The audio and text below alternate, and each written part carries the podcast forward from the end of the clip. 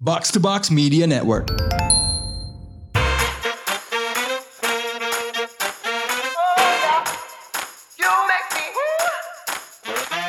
Selamat datang ke podcast Grompy, kolaborasi antara Box to Box Media Network dan Romp Creative Playground. Seperti biasa, this podcast ngomongin segala hal tentang marketing, advertising, commercial, creativity. Dipadu gue Raditya Alif, and with me I got Atia. Apa kabar? Hai, Dani, Baik, baik. Oh, eh. yang sudah kembali karena kemarin kita ngomongin Bridgerton dan lu nggak nonton. Ya, of course. Ya, dan lu tidak Pasti, man. Sedangkan saya harus memaksakan diri nonton dua episode. Ian, apa kabar? Halo Ran, baik-baik. Oke, so formasinya ada satu mantan kreatif, ada satu planner, dan ada dua kreatif. Jadi kayaknya hari ini akan skewed ke kreatif sedikit pembahasannya. Ada pepatah periklanan dari zaman Romawi yang mengatakan bahwa di saat satu brand mengalami kemalangan, maka brand-brand lain bisa mencium keuntungan. Nah kemarin kalau lu pada lihat di Twitter ada sebuah brand yang melakukan langkah yang menarik ya. Dia protes terhadap sebuah video review. Dan sebenarnya komentarnya lumayan detail tuh. Mungkin lu kalau ngelihat surat terbuka kayak gitu ya yang dilakukan oleh brand Eiger ke vlogger yang nge-review gue lupa sepeda atau apa gitu. Sebenarnya kan seperti kata-kata klien ketika lagi ngomentarin offline atau online lagi syuting ya. Ini angle-nya kurang bagus gitu loh. Lah kemudian tentu saja abis itu netizen juga ini kok ada orang review nggak dibayar diprotesin gitu. Cuman di saat kita menemukan alasan untuk outrage dan sebel dan ya, credit brandnya akhirnya eh, memutuskan untuk minta maaf ya sesuai nalar. Banyak brand-brand lain yang masuk di situ ya. Eh, coba eh, apa aja sih ke kayaknya gue lihat eh, dan di Twitter gue lihat ada ada Grab masuk di situ. Yang paling menggelikan First Media gitu. Tapi lo lo menemukan siapa aja tuh yang berusaha ikut-ikutan membuat surat terbuka seperti Aiger? Nah, yang pertama kali nyamber dan menurut gua langsung heboh itu adalah si Are itu. Are Yeah. itu bergerak di industri yang sama sama Eger. Oh, rival langsung berarti ya. Langsung rival. Walaupun mungkin tidak sebesar Eger kayaknya ya setelah Hmm. lihat-lihat tadi si Are ini mungkin namanya tidak sebesar Eger atau Konsina gitu ya. Mhm. tapi dia langsung nih bikin nih plar gitu. Jadi kalau yang satu bikin surat keberatan, dia bikin surat keringanan. gitu. Oh, emang ada ini ya istilahnya ya keringanan apa? That was just your phrase tadi. Sebenarnya yang lucu dari surat-surat itu yang gue temukan ya, salah satu yang lucu adalah itu tuh si Ari itu kayak one of the first yang biki- yang yang ikutan di situ. Mhm. Dia ngomongnya itu adalah surat keringanan bahwasannya ya tadi dia tidak akan membe- membebani siapa pun itu yang Oke. mau review apa brandnya dia dengan Hmm. segala tetek bengeknya. Gue Ya. pengen lebih ini beli gini tuh, pengen ini bikin itu. Lah itu kan video-video lu, duit-duit lu karena ada Betul. dong gitu. Ya. Nah, yang lucu lagi ada Durex, dia bikin surat buka-bukaan kayak maksud gua, oh on brand ya gitu. Oke, Nah, oke, Durex oke, kan oke, nggak mungkin oke. tutup-tutupan. Bener-bener. Jadi istilahnya pun ini ya sesuai dengan brand yang berkomentar ya. Betul. Yang Oke, menarik oke. menurut gue itu. Jadi mereka tuh banyak brand-brand. Jadi sebenarnya tuh yang ikut di sini tuh banyak. Banyak yang cuman surface aja gitu. Mhm. Jadi cuman kayak bikin klarifikasi. Oh kalau kita sih bakal terserah lo mau ngapain Hmm. dengan brand kita apa gitu kan hak lo segala macam. Tapi ada yang bener-bener into it banget. Suratnya tuh di craft. Ya. Kalau kita bahasanya literally di craft gitu. Hmm, dipikirin kata-katanya yang pas gimana bahwa gitu ya. On brand tuh gimana gitu. Itu yang Hmm. menarik menurut gue. Oke, jadi lo lagi menge-highlight yang disambut dengan positif ya, right? Oh iya, kalau Oke. yang negatif kan aku anaknya nggak negatif ya. Oh gitu. Ian yang negatif tuh gimana? gue kalau gue udah negatif sekarang hasil tesnya. Eh, gue, wow. Ian, Alhamdulillah. Ian, alhamdulillah. Ya, ya lah. Iya, iya, iya. Eh, kalau gue nih eh, pas ngelihat kasus Eger ini, sebenarnya tuh gue tuh agak-agak agak-agak recall sama kasus yang dilakukan oleh Garuda Indonesia. Jadi tuh Oh, Garuda yang Indonesia tuh di-review pernah juga ya? eh, nga- eh, ngeluarin surat larangan mendokumentasikan kegiatan di pesawat. Iya, jadi tuh ada ada eh, kayaknya tuh orang di Instagram ya, kayaknya eh, eh, apa namanya selebgram gitu. Hmm. Dia itu eh, biasa kalau misalkan lo naik pesawat kan kayak foto-foto selfie atau segala macem. Nah, Garuda tuh tahun 2019 tuh pernah tuh ngeluar, ngeluarin surat larangan dokumentasi kegiatan di pesawat. Itu tuh kayak eh, tidak diperbolehkan mendokumentasikan segala kegiatan di pesawat berupa foto atau video, terus eh, sama awak kabin Oh, boleh tuh kasusnya. menyampaikan si poin itu. Jadi itu emang gede banget karena si eh, selebgram ini naikin surat ini sama kayak si youtuber itu si youtuber apa namanya si eh, anak sepeda ini tentang konten YouTube-nya yang dicolek sama si Eger. Hmm. Gue kerikol sama hal itu gitu kan. Nah menurut gue sebenarnya yang tadi tuh yang tadi dibahas Dani kan kayak eh, ini tuh kalau buat brand negatif lah ya karena lo udah ngeganggu orang banget ngeganggu orang banget gitu terus Hmm. eh, hal yang positifnya adalah pas ini eh, berita naik, orang-orang tuh gue jadi yakin gue sebagai copywriter eh, orang-orang tuh literasinya bagus karena membaca poin per poin dari Hmm. surat itu. Jadi Oke. kayak kalau lo lihat materi iklan, wah materi iklannya nih visualnya bagus apa segala macem. Pas lihat ini eh, viral, gue tuh optimis kalau iklan Oke. copy base bisa hidup, bisa diomongin. ya nggak Dan? Gue agak kaget tarikannya ke situ, tapi you have a point, Ian. Iya, agak gatel kan Iya. pas lo ngajakin eh, ngomongin topik ini, itu kayak wow semuanya copy app sebenarnya dan itu sebenarnya ranahnya bias antara ini nih materi PR atau materi iklan ya. Hmm. Jadi jadi seamless banget lo kalau kalau lo bekerja di industri komunikasi Oh. ini. Jadi Itu jadi banget. ternyata kalau lo membuat surat terbuka, orang matanya juga akan terbuka juga ya. Yes, Oh. terbuka. Membuka cakrawala.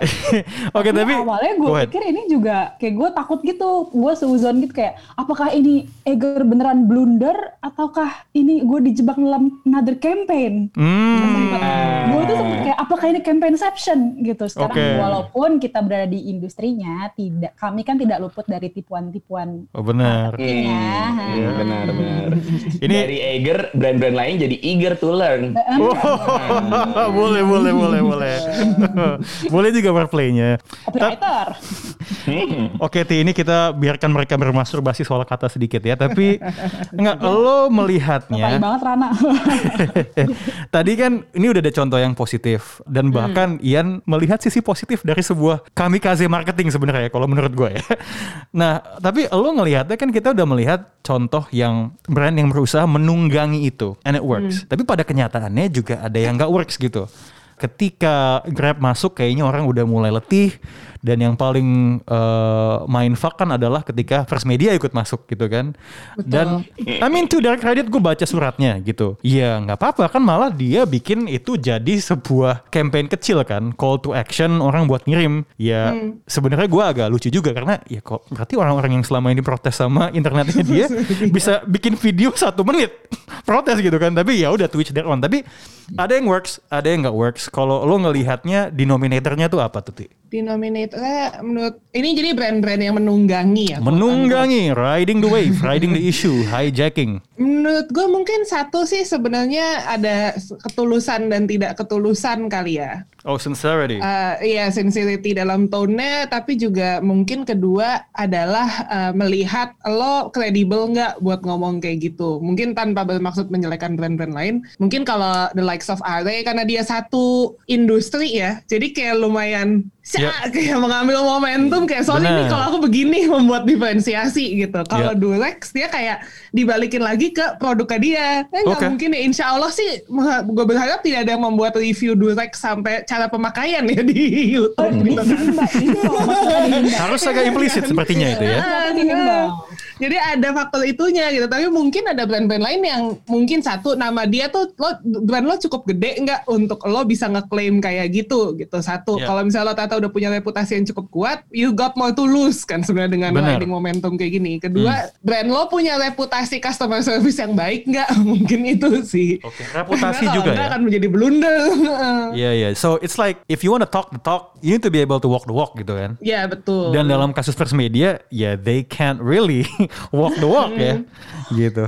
Tapi juga mungkin menurut gue yang agak terjadi juga di Eagle dan both Garuda gitu, mungkin secara blunder marketing or not ya, itu tuh agak kayak mereka tuh ini yang terjadi ketika kita tuh udah di era digital nggak sih? Jadi sebenarnya semua orang tuh berhak punya suara. Lo nggak bisa sebenarnya mengendalikan narasi brand lo sesuai mau lo Hmm. segitunya gitu. Bener, bener, bener. Dan apalagi ini kasusnya adalah sebuah apa ya review yang bukan endorsan gitu kan. Jadi tidak Iya, ada tidak ada kewajiban bagi si reviewer ini untuk mengikuti kaidah ABC dan terlebih lagi sebenarnya gua pun ya layaknya kebanyakan netizen gua rasa belum nonton video reviewnya sendiri but it doesn't seem like it was a negative review yang membuat sebenarnya semakin mencengangkan kenapa lu protes. Makanya buat gua kayak detail sekali seperti Anda mengeluarkan budget pemasaran untuk video tersebut padahal tidak gitu. Itu yang agak menggelikan. Tapi back on the issue of menunggangi Eh, dan ya, you guys you work di sebuah agensi yang terstruktur brief masuk atau enggak. Sedangkan ini kan kayak ketika ada brand yang menunggangi itu kan re- reflect ya. It's really on the moment gitu. Reaktif. Hmm, Eh, usually. lo pernah nggak ada sesuatu kerjaan di di romp atau di agensi lain yang seperti itu sifatnya atau agensi terdahulu gue nggak tahu. Yang yang yang yang yang soalnya kan ya, biasa nih di dalam agensi apalagi yang gede kan juga ada brief jauh-jauh hari. Sedangkan gue rasa proses kreatif ini ketika lo menunggangi sesuatu itu dalam sekejap gitu. Bahkan dalam hitungan sejam menit kali itu keluar gitu loh. Kerjaan gue nggak pernah, kalau gue nggak salah ingat ya. ya Tapi kerjaan lo pernah Ran. oh, saya? Sekarang? Apa Iya. gimana oh. Kerjaan anda yang dulu. Di Ichi Ocha pakai Wacana Forever itu ketika lagi gede-gedenya. oh Wacana Forever, not exactly the same thing ya, tapi Yeah. maksud gue ketika semua orang lagi si Wacana Forever tuh kayak dipakai di mana-mana, eh Wacana Forever si Wakanda Forever itu Black di Panther, ya. Mhm. betul. Kayak lu dengan apiknya mengemas itu menjadi satu komersial sangat menarik menurut gue, gitu ya. Well, lo kan senpai gue. Oke sebenarnya gue harus eh, cari bridging lain biar nggak terlalu masturbasi ya. Enggak tapi.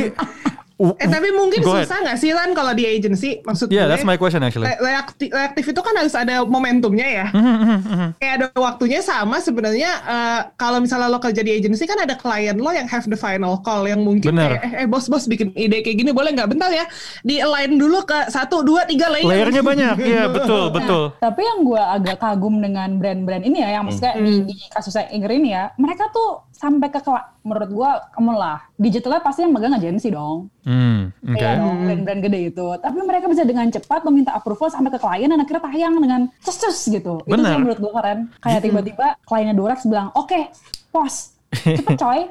Dari dari admin ke client approval, bener-bener secepat kilat gitu ya. Betul, itu yang gue kayak, oh, oh bisa secepat ini ternyata. Oke, Hmm. kan proses adalah sesuatu yang terkadang di dalam sebuah kantor yang banyak layer hierarki susah untuk lo kendalikan ya. Tapi Ian, pernah nggak sih ada sebuah kejadian nih ya, yang ah shit, gue bisa banget nih gue tunggangin dan lo sebenarnya pingin, cuman ya emang nggak bisa aja gitu dengan brand lo karena proses gitu. Ada nggak sih selama ini lo kerja gitu kayak, wah nih bisa banget nih gue langsung gue sentil gitu. Sebenarnya banyak banyak banget kalau eh, mungkin ini kali ya ini bukan excuse gue sih Ran sebenarnya mungkin karena gue kerjanya di ATL jadi tuh approvalnya lebih ribet kadang buat Hmm. buat yang eh, output output kayak gini gitu. Kalau buat eh, semua anak-anak digital ini mungkin bisa banget kayak konten-konten atau postingan eh, React itu memungkinkan tapi Hmm. sepengalaman gue gue belum pernah sayangnya gue belum pernah melakukannya. Yang Gue pernah itu. tapi ada sekali itu dan tanpa Apa ya? yang talent iklannya nikah sampai nikah.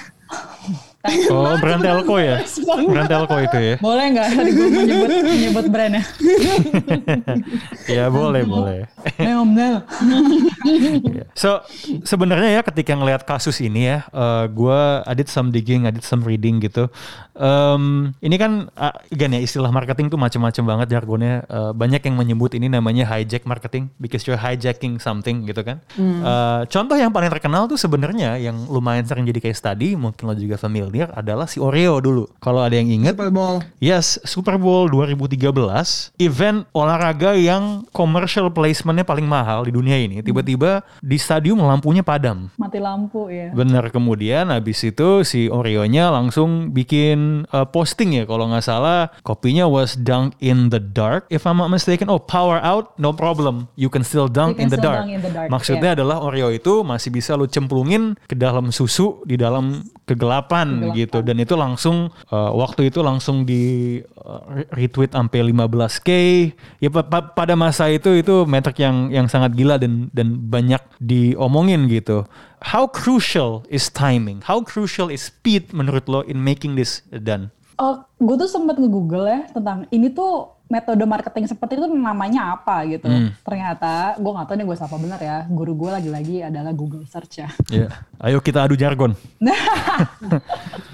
ini tuh apa namanya? Mereka bilang adalah momen marketing. oh moment oke Mom, iya, makanya kayak harus sesuai dan harus in konteks baik sama momennya maupun sama brandnya. oh, oke gitu. Interesting. Jadi lu nggak bisa nih, makanya dia bilang momen marketing ada yang bikin artikel momen marketing versus real time marketing. Nggak Hmm. nggak sebenarnya belum real time tuh bukan patokannya. right Tapi momennya pas apa enggak. Jadi Right. ketika lo bertanya tadi speed apakah menentukan? Iya, tetapi itu bukan uh, the only criteria kriteria. Salah Ada satu variabelnya. Betul, gitu. Jangan sampai kayak first media, gitu jatuhnya. Right. Dia secara time mungkin aman, tapi Secara timing bener. secara Nah, yang lain kredibilitas betul. misalnya. Oh, I see, I see. Ini yang gue ingin balikin ke yang Atia bilang ya soal kategori ya. Karena gue ngerasa satu brand that always gets away with this adalah Burger King sebenarnya. Karena dia sering banget ngedang on McDonald's obviously, and mereka satu kategori. Salah satu dang lainnya ya yang sebenarnya pernah, dil- pernah dilakukan adalah ketika Kanye West bilang bahwa dia paling suka makan McDonald. Oh, I know this. story. Oh, iya iya. Sedangkan kan Kanye West kan terkadang agak dipertanyakan ya pandangannya terhadap dunia. Langsung Burger King eh, ngerespon kan, oh jadi gitulah intinya seperti itu gitu untuk menunjukkan bahwa mereka Cuman tidak. dua kata, Ran. Gimana gimana? Dia cuma bilang, that explains. Nah gitu kan. Kesannya ya lo miring gitu. Dan again ya mungkin lagi-lagi di situ ya. Lo punya satu kategori. Ya dia punya kredibilitas. Avis sama Hertz juga setahu gue sering singgung menyinggung ya. I don't know how much of what they do. Itu dua rental mobil di US. I don't know secepat apa. Tapi it's another case di mana ada ada kesamaannya gitu. Ian, ada faktor apa lagi ya yang perlu dipertimbangkan ketika eh, lu berusaha nge-hijack sebuah momen? Oh, Nike juga sangat sering ngelakuin itu sebenarnya. Em, dan Nike itu yang yang lucu adalah dia selalu nge-hijack sebuah event yang disponsorin sama Adidas biasanya. Jadi kan Ad- Adidas itu kan dia they always sponsor the big events kan. Olympics misalnya atau kemudian dia ngesponsorin nih ketika Olympics Nike waktu itu bikin kampanye greatness greatness can be everywhere. Dan dia selalu bilang nggak harus di Olimpiade untuk great gitu. Jadi dia selalu apa ya gue ngeliatnya dia ngelakuin jujitsu lah di situ. Eh, Piala Dunia kalau lo perhatiin sponsornya Adidas semua tapi emang ada yang inget iklan Adidas di Piala Dunia. Everybody is always talking about the Nike ad yang dibuat dengan sangat bombastis gitu. So maybe kalau di one end yang kayaknya effortless itu lo punya Oreo atau si siapa nama brand yang ngebalas air pertama tadi? Are? Are, are. Are gitu kan. On the high end lo punya uh, Nike yang ngelihat momen besarnya gitu jadi hijacknya mungkin lebih direncanakan gitu bukan improvisasi in a way Eh, Ian lo ada contoh kasus lain atau pertimbangan lain yang perlu dibahas kalau kita ngomongin soal moment ya istilahnya moment sang it was hijack now it's moment Gue sebenarnya kalau ngomongin eh, marketing atau komunikasi momen yang apa namanya nge-hijack momen gini ya, gue sebenarnya bertanya-tanya sebenarnya worth it nggak ya buat kita eh, reaktif itu sama Hmm. Sustainable momen atau Karena, nggak? ah, ah, adakah impact sama sales gitu kan? Kayak Hmm. orang nih bisa aja eh, into sama eh, apa namanya sama emosinya. Kayak wah bangke ini brand kenapa ngomongnya kayak gini nih? Tapi Hmm. sama produknya ntar ngomong apa ngom- eh, produk lain kayak si Are belum tentu orang relate juga sama yang di ini jadi kayak cuman di share eh ini udah ada yang ngomong ini nih udah ada yang ngomong ini nih. Jadi sebenarnya tuh kayak lambe turah culture. Lambe Dimana- turah culture. sebenarnya nggak nggak ngefek kalau menurut gue ke yang namanya penjualan Ya. tapi itu cuma jadi apa ya cuma jadi uh, spice up topik doang tapi nggak balik impact ke sales produk lu sih sebenarnya. Eh, Tapi mungkin ya on the other spectrum of Ian's argument adalah melakukan momen marketing tuh membuat brand terlihat lebih manusiawi nggak sih human mau itu jadinya blunder apa enggak ya? Maksudnya tapi karena menurut gue tuh banyak brand-brand yang ngasih approach ke sosial media ke dunia digital lagi-lagi tuh sangat korporasi ngomong ke orang. Ya, Oh, no that's dalam bentuk ad- advocate ya. Jadi kayak brand ini tuh nge-advocate si uh, Per- iya personality reviewer ini. lo, Hmm. heeh, personality lo. Kayak, I think kayak misalnya kayak Burger King gitu dia konsisten aja kan, Mhm. nggak nunggu ada nggak nunggu ada apa ya kayak eh, gue tag duluan McDonald. Iya. Gitu Se- kan. sebenarnya Iya, ada- ngomong gini balas SOA deh. agenda itu, jadi kayak udah jadi kebayang lah jadi kebayang gitu lah tapi personality Burger King tuh kayak apa gitu, a bit cheeky. No, that's actually really interesting ya. Maksud gua, well, satu, ini kan kayak merujung ke satu area diskusi lain ya. Dalam artian, eh, sebenarnya brand harusnya berperilaku seperti apa di media sosial. And the case you are making adalah ketika dia, dia bereaksi layaknya seorang pengguna akun sosial yang manusia, maka dia terlihat lebih manusiawi gitu kan. That's what brands should do. Karena ngapain sih lo follow akun korporat gitu kan. That's, that's probably logic gitu. But I want to take it back a little bit. Soal sales ya, nggak tahu ya. Like good, iya bener mungkin nggak ada korelasi ya ke sales. But again, ya mungkin Atia lebih tahu ya iklan apa sih yang sebenarnya I mean kecuali itu promo kali ya yang bisa lo kaitin gitu. But still I would say in terms of kayak misalnya Oreo gitu kan lu ngedang um, dengan effort yang sangat kecil dengan budget yang sangat kecil untuk bikin satu post yang bahkan nggak ada template-nya gitu kan and you get awareness dan diomongin orang sebanyak itu I would say itu adalah to a certain extent harusnya tujuan. Malah itu kan sesuatu yang nggak di plan ya. Berarti harusnya nggak ada tujuan komunikasi ya kan. Tapi gue bisa bayangin so- sebuah agency atau brand ketika dia bikin laporan bulanan pasti akan kedongkrak sangat-sangat tinggi di KPI sama metrik ya. Karena satu usaha kecil itu gitu. Like dalam kasusnya si Are mungkin selama ini tidak pernah ada satu tweet dari dia atau satu konten dari dia yang like satu engagementnya setinggi itu gitu. So memang gue ngeliatnya susah untuk itu dikaitkan dengan sales tapi harusnya harusnya berdasarkan Kalau tujuan ROI-nya Yes. itu cost yang dikeluarkan untuk impact yang didapatkannya jadinya gede gitu ya. Yes, yes kayak pasti ya kan dia pasti punya KPI nih tiap bulan nih harus nyampe segini. Ya tiba-tiba, wah ada peak, ada spike. Like apakah gue yakin bulan depan si Are ini akan bisa punya satu materi yang seviral itu? Gue nggak yakin gitu. Mungkin trikinya adalah kalau nanti brandnya kayak, eh bikin viral lagi dong, mampus kali ya. Nggak ada blunder yang bisa dieksploitasi gitu. But it's also interesting ya. Apakah dengan apakah that means ya? Karena ini adalah contoh, wah ini kayak orang nih kan ya gue pun juga pernah wah nih ada sebuah isu yang lagi hangat dibahas. Ah gue tombokin lah dunk gitu. Walaupun sebenarnya gue gak peduli juga sama isunya gitu. Dan itu buat naikin engagement di segmen pribadi gue pun efektif gitu. Gitu kan. Kayak misalnya eh, mohon maaf ya ini. Oh ngatain orang yang pe- perilakunya covidiot banget gitu padahal ya bisa juga gue juga lalai kadang-kadang gitu kan. So but do you think that's do you think that's necessarily the way to go gitu? Wah brand itu memang harus sengehe orang pada umumnya. Atau harus santuy Sebenarnya menurut gue Iya, gimana ya? Lagi-lagi mungkin tadi nambahin apa yang Ian bilang kali ya. Iya. Eh, nggak ada nggak ada hubungannya sama sales. Gue nggak tahu. Gue maksudnya gue nggak tahu kalau misalkan eh, kasusnya kasus Eager. Hmm. Tapi yang jelas itu bisa divalidasi untuk kasusnya Garuda mungkin. Karena Hmm. orang juga tetap aja mau naik apa maskapai lokal, saya paling bagus ya tetap aja ke Garuda gitu. Iya. Kayak nggak punya pilihan lain gitu maksud gue. Iya, iya. Gue nggak tahu nih kalau di kasusnya Iger sama Ray dan Konsina dan teman-temannya Hmm, hmm. gitu. Cuma maksud gue adalah mungkin sesuai dengan namanya kali ya, momen marketing gitu. Hmm. It's also fleeting in a way. Fame-nya juga fleeting. You don't do it for you don't do it for sustainability. That's for sure. Exactly. I mean like kayak secepat lo reaktif ke isunya, secepat itu juga hilang. Hmm. Apa namanya? eh, apa ya efeknya? Karena apa? Itu kan tidak bertahan lama. Bener bener bener bener bener. Unless lo konsisten, lo memang build persona lo untuk tapping into issues. Tadi yang lo Iya. bilang, makanya apakah harus sesuai, eh apakah brand itu memang harus punya personality seperti orang? Mungkin tidak seperti orang, tetapi buat apa you stand for. So you you could also dari statement lo tadi ya, kita juga bisa nge-reverse nih. Kalau brand itu memang selama ini nggak cocok berkomentar dan nyinyirin brand lain, ya jangan dipaksa gitu kan. Jangan dipaksain, betul, Oh, oke. gitu. Ada nggak sih brand yang sukses yang santuy gitu? Ada nggak gue. sih?